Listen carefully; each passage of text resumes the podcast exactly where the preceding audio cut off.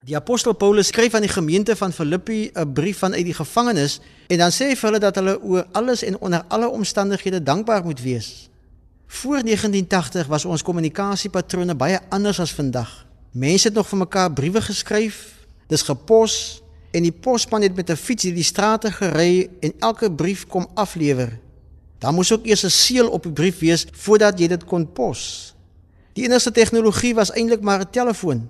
Daar was geen selfone, internet, e-pos, wifi, niks van dit nie. Geliefdes het vir mekaar liefdesbriewe geskryf, ouers vir hulle kinders wat ver studeer het, soldate op die grens en so voorts. Die poskantoor was 'n besige organisasie. Vandag is briewe heeltemal uit die oude doos. Verliefdes skryf nie eintlik lang briewe vir mekaar en pos dit nie. Ons kommunikeer deur die moderne tegnologie. Ons doen dit sommer deur ons selfone en ons e-posse. Dit is vinniger as die slakke pos waaraan ons destyds gewoond was. As 'n mens vandag van hierdie briewe in die hande sou kry, sal baie van die inhoud van daardie briewe nie meer geldig wees nie. Die persoon is miskien nie meer so lief vir die een aan wie hy of sy destyds die liefde verklaar het nie, want die verhouding is verby. Die brief wat 'n seun destyds van die grens aan sy ouers gestuur het, se inhoud geld nie meer nie want die verlange is nie meer daar nie. Die brief was net geldig vir daardie tyd. Ons hou dit soms net vir sentimentele redes. Briewe se inhoud verouder en word soms ongeldig. Maar liewe vriende, die briewe in die Bybel het nie 'n vervaldatum nie. Paulus se brief aan die Filippense het nie 'n vervaldatum nie, want dit is vandag nog net so geldig.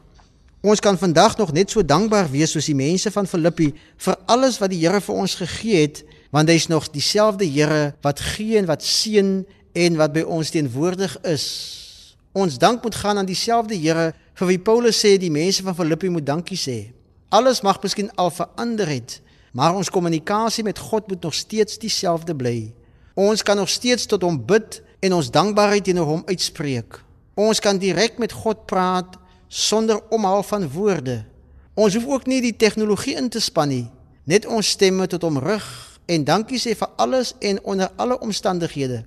Ja, ons kan self sing om ons dankbaarheid uit te druk. Kom ons bid saam. Liewe Here, baie dankie dat ons ons stemme kan gebruik om met U te kan kommunikeer. Dankie vir alles wat U vir ons gee, alles wat U vir ons beteken en dankie Here dat U onder alle omstandighede by ons teenwoordig is. Amen.